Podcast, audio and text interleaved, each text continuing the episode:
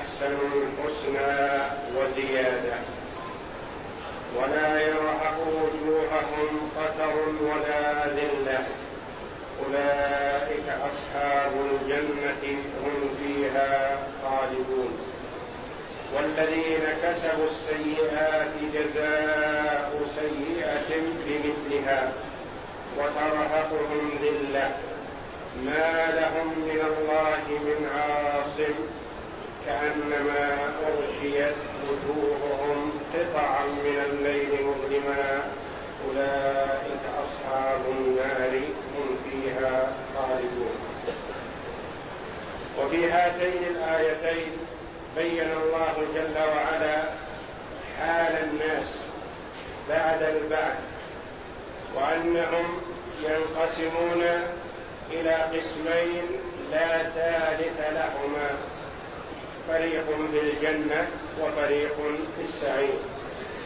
فريق أحسنوا في الدنيا وعملوا بالصالحات واجتنبوا المحرمات وأفردوا الله جل وعلا بالعبادة ولم يلتفتوا إلى غيره. هؤلاء لهم الحسنى وزيادة لهم الجنة وزيادة على الجنة النظر إلى وجه الله الكريم. والذين كسبوا السيئات لم يمتثلوا أمر الله وعصوا رسله وأشركوا مع الله غيره في العبادة. انتهكوا أظلم الظلم وهو الشرك بالله. هؤلاء جزاؤهم أنهم يوم القيامة خالدون مخلدون في النار والعياذ بالله. والذين كسبوا السيئات وتقدم لنا أن المراد بالسيئات هنا والله أعلم الشرك لأنه قال أولئك أصحاب النار هم فيها خالدون وأصحاب المعاصي من أهل التوحيد لا يخلدون في النار. والذين كسبوا السيئات جزاء سيئة بمثلها. الله جل وعلا يتفضل في حق المؤمنين فيزيدهم. ويعدل في حق الظالمين فلا يزيد في عذابهم فوق ما يستحقون. بل يعطيهم بالسيئة بمثلها. لا يعاقبهم بالسيئة عشرة أو سبعمائة أو أكثر من ذلك وإنما يعاقب على السيئة بسيئة مثلها. والذين كسبوا السيئات جزاء سيئة بمثلها وترهقهم ذلة. ما لهم من الله من عاصم لا أحد يعصمهم ولا أحد ينقذهم من عذاب الله ولا أحد يشفع لهم. ولا يمكن أن يدفعون ما حل بهم من العذاب بأي فداء أو أي واسطة. ما لهم من الله من عاصم كأنما أغشيت وجوههم قطعا من الليل مظلما. أولئك أصحاب النار هم فيها خالدون يعني ماكثون فيها أبدا. ثم إن الله جل وعلا ذكر عباده. بحالة حشرهم يوم القيامة. فقال جل وعلا ويوم نحشرهم جميعا. ويوم ظرف. العامل فيه مقدر. تقديره ذكرهم أو اذكروا ذكرهم يا محمد يوم نحشرهم جميعا. والحشر هو الجنة يحشر الله جل وعلا الخلائق في صعيد واحد الجن والإنس والمؤمنين والكفار والجميع يحشرون في صعيد واحد ويوم نحشرهم جميعا. ثم نقول للذين أشركوا مكانكم أنتم وشركاؤكم. يقال للمشركين إلزموا مكانكم.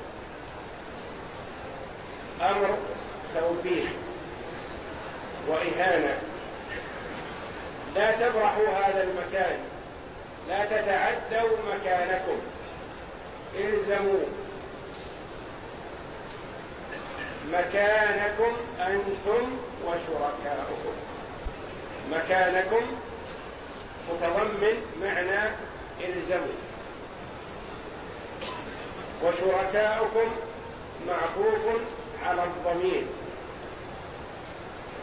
الذي تضمنه الفعل فعل الأمر. إلزموا وكلمة أنتم ضمير منفصل مؤكد للضمير المستتر. ومن أجل العطف عليه إلزموا أنتم وشركاءكم إلزموا أنتم وشركاؤكم مكانكم. لا تبرحوا.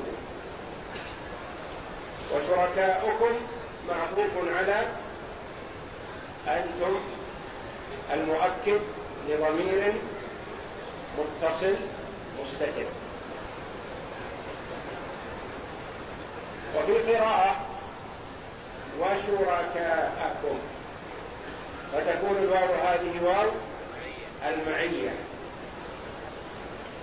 يعني إلزموا مع شركائكم. مكانكم أنتم وشركاؤكم القراءة المشهورة ويجوز النصب وشركاءكم. فزيلنا بينهم. زيلنا بمعنى فرقنا وباعدنا بينهم. وهذه المباعدة حسية ومعنوية. لأن الله جل وعلا خالف بينهم. وجعل بينهم العداوة. خلاف ما كانوا عليه في الدنيا. وقد أخبر الله جل وعلا عن ذلك في كتابه فقال الأخلاء يومئذ بعضهم لبعض عدو إلا المتقين. فالمشركون أحبوا آلهتهم. ووالوها في الدنيا وعملوا من أجلها وبذلوا الأموال الطائلة لها. نتيجة المحبة والرغبة فيها. فأزال الله عن الجميع تلك المحبة وأبعدها وجعل بينهم الفرقة والبغضاء فزينا بمعنى فرقنا بينهم. التفريق المعنوي أشد من التفريق الحسي. لأن قلوبهم صارت متنافرة متباغضة متباعدة. فزينا بينهم وقال شركاؤهم ما كنتم إيانا تعبدون.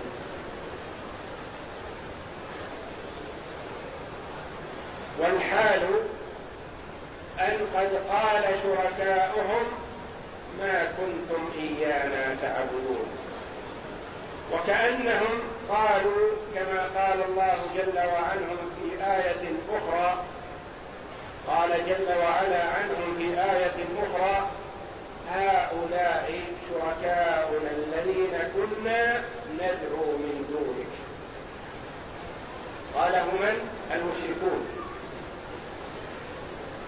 فلماذا أجاب المعبودون من دون الله؟ ما كنتم إيانا تعبدون. فزينا بينهم وقال شركاؤهم ما كنتم إيانا تعبدون.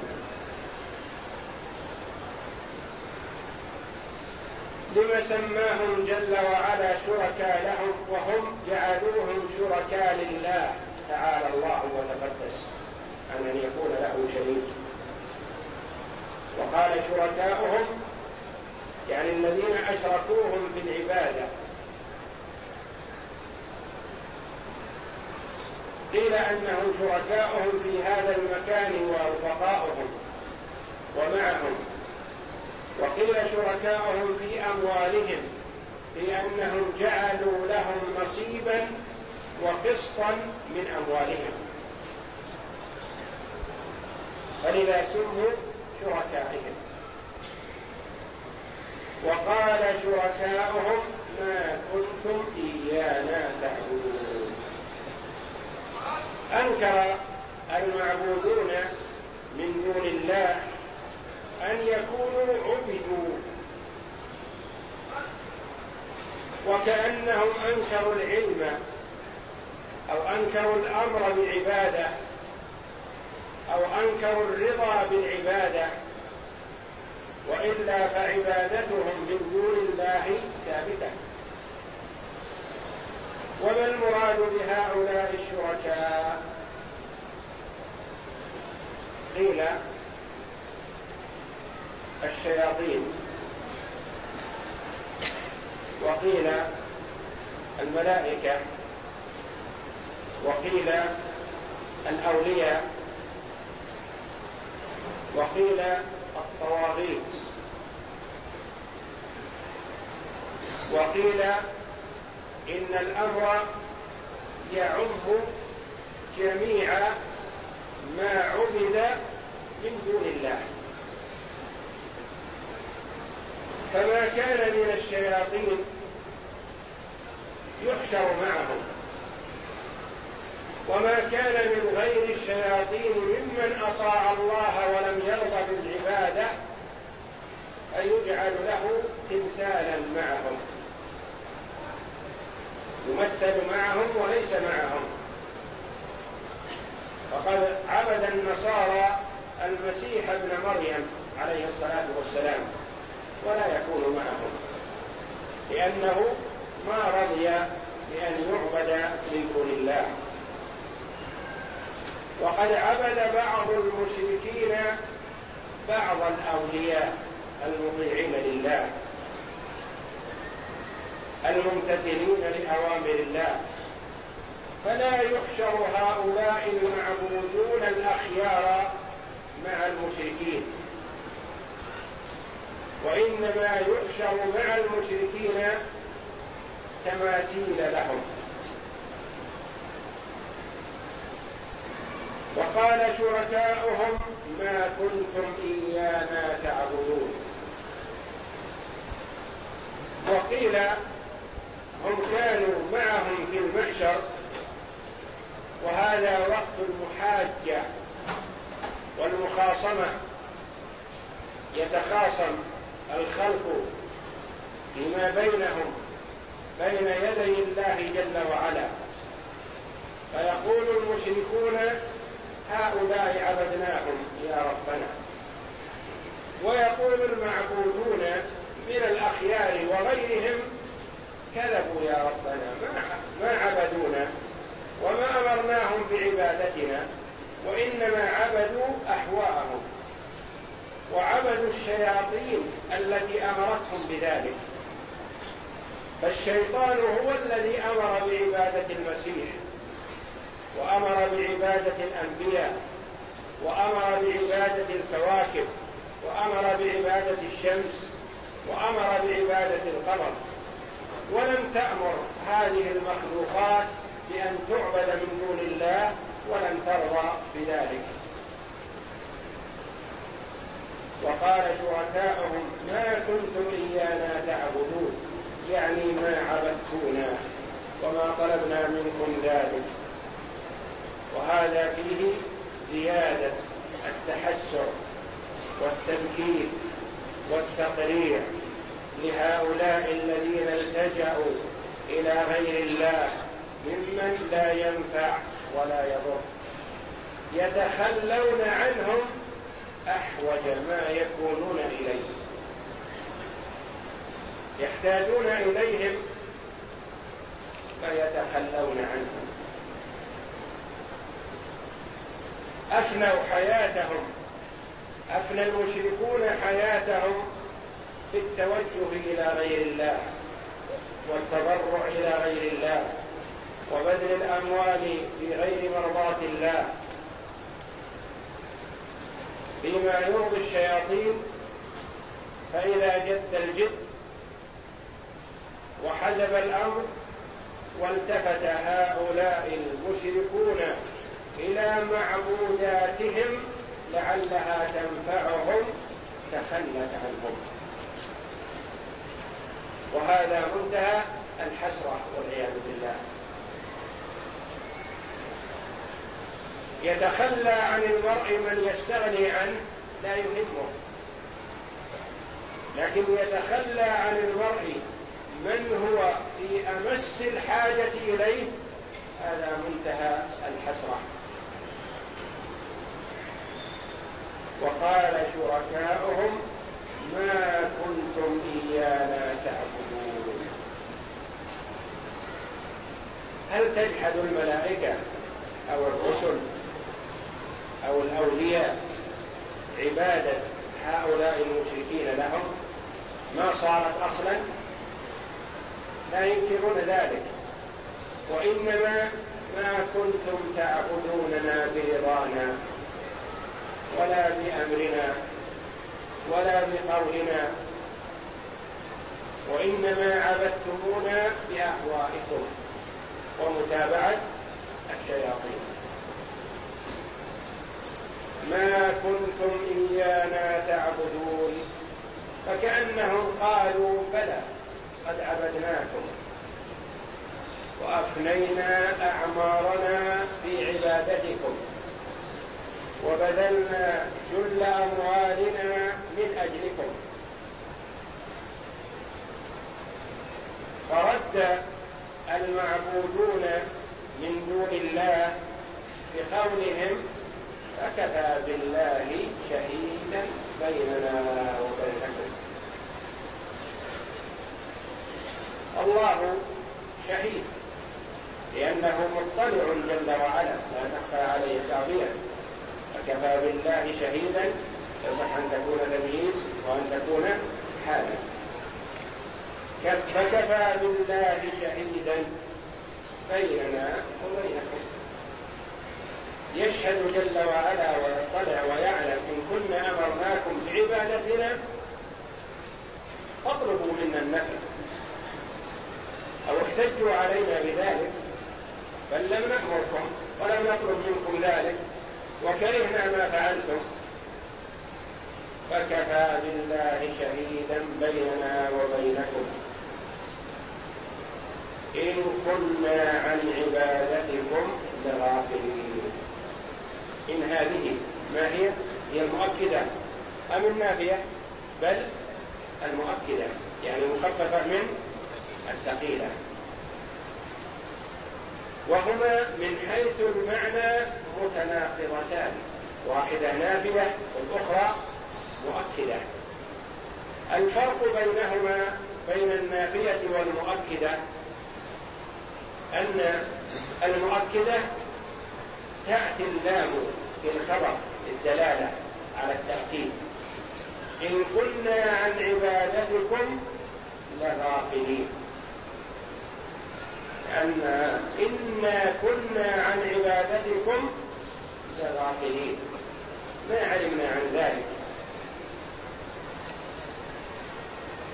أو لم نعبأ بذلك ولم نأمر به ولم نرضى به. أو أنا لا نسمع عبادتكم لا نسمع ما تقولونه ولا نبصر ما تفعلونه. ولا ندري عن طلبكم منا ما تطلبونه.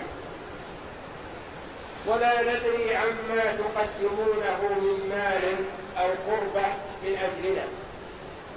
إن كنا عن عبادتكم لغافلين أي إنا كنا عن عبادتكم لنا لغافلين عنها. لا ندري عنها.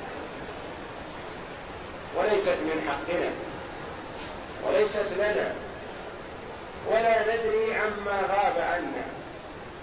لأن المخلوق لا يدري ما غاب عنه. وإنما الذي يعلم الغيب هو الله جل وعلا.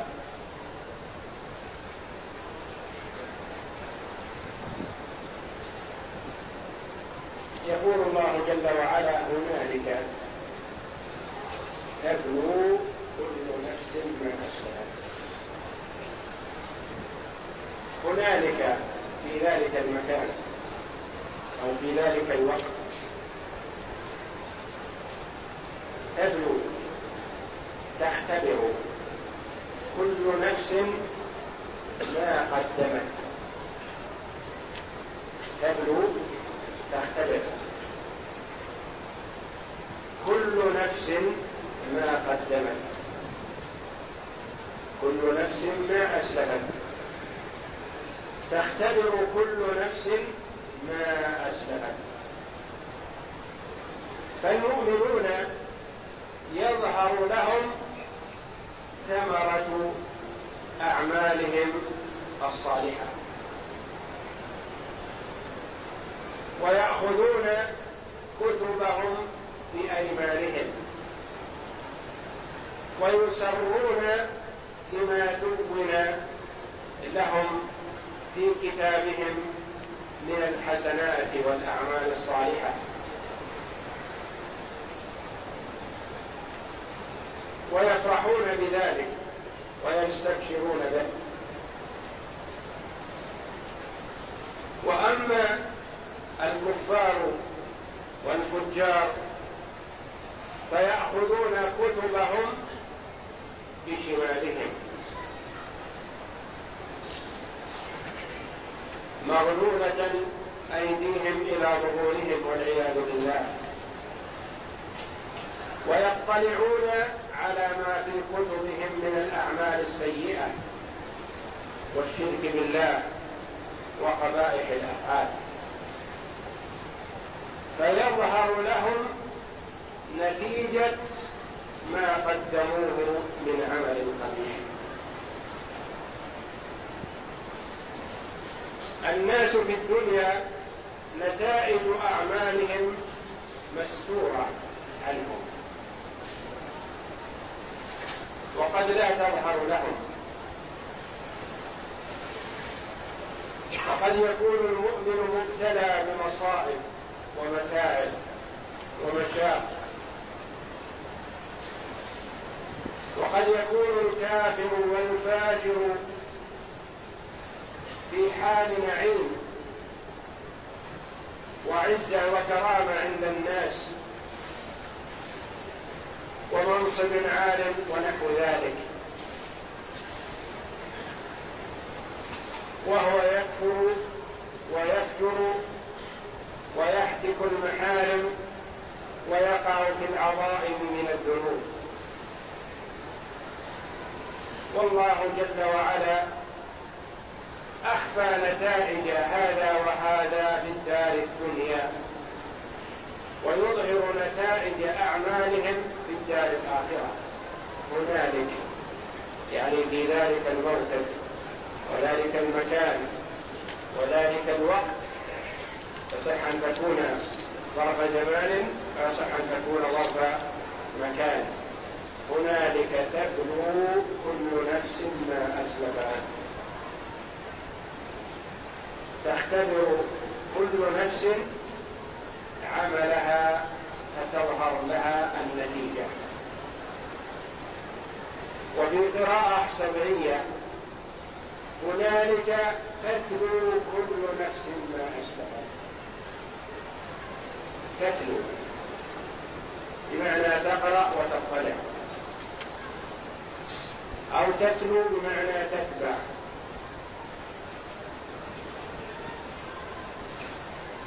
هنالك تتلو في ذلك الموقف. تتلو كل نفس ما أسلفت. تطلع وتقرأ أعمالها التي أسلفتها التي عملتها في الدنيا تجدها أمامها في الدار الآخرة. وقيل معنى تتلو بمعنى تتبع. فالمؤمنون يتبعون أعمالهم وتقودهم إلى الجنة ورضوان الله. والكفار والفجار يتبعون أعمالهم فتقودهم إلى النار وإلى العذاب المهين والعياذ بالله وإلى سخط الله هنالك تتلو تتلو كل نفس ما أسلفت. معنى ما أسلفت يعني ما قدمته. من زرع حصد. فمن زرع الخير حصد أفضل من ذلك. ومن زرع الشر فليس له إلا النار والعياذ بالله. هنالك تتلو كل نفس ما أسلفت وردوا إلى الله مولاهم الحق. المرد والمرجع إلى الله جل وعلا. وهو الذي يحكم بين عباده. فيجازي المؤمن بإيمانه وعمله الصالح ويضاعف له الحسنة عشرة إلى سبعمائة إلى أضعاف كثيرة رد الجميع المؤمن والكافر مردهم إلى الله. وردوا إلى الله مولاهم الحق الذي يتولى أمورهم جل وعلا. وهو المولى الحق لا مولى بحق غيره.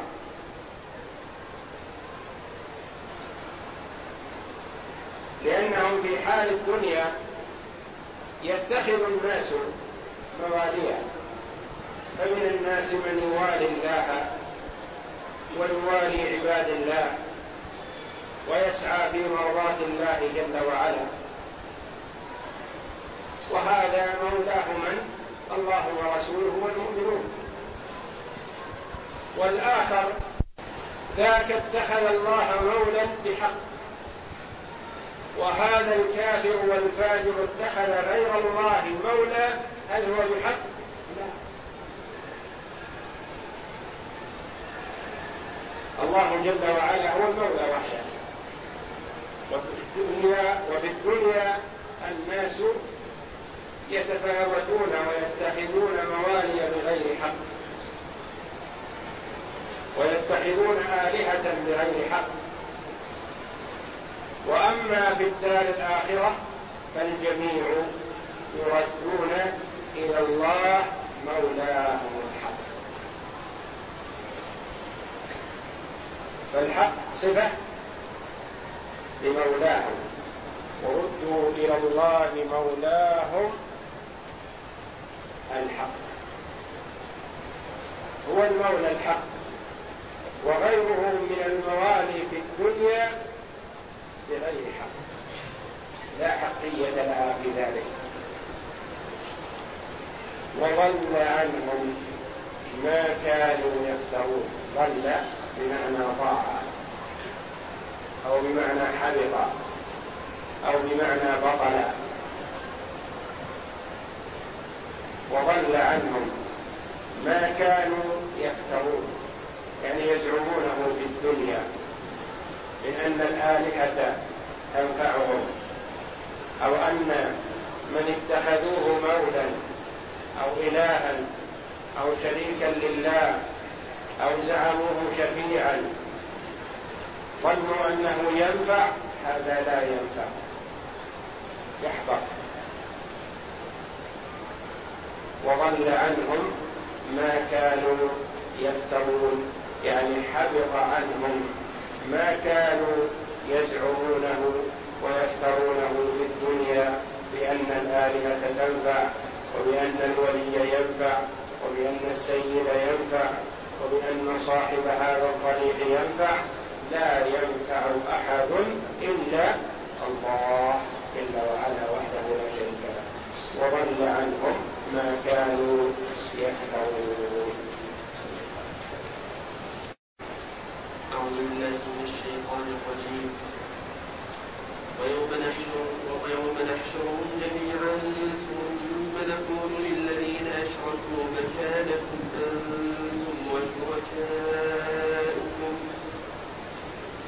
فزينا بينهم وقال الذين أشركوا وقال فزينا بينهم وقال شركاؤهم ما كنتم إيانا تعبدون.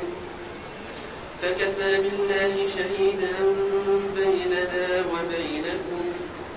إن كنا عن عبادتكم لغافلين.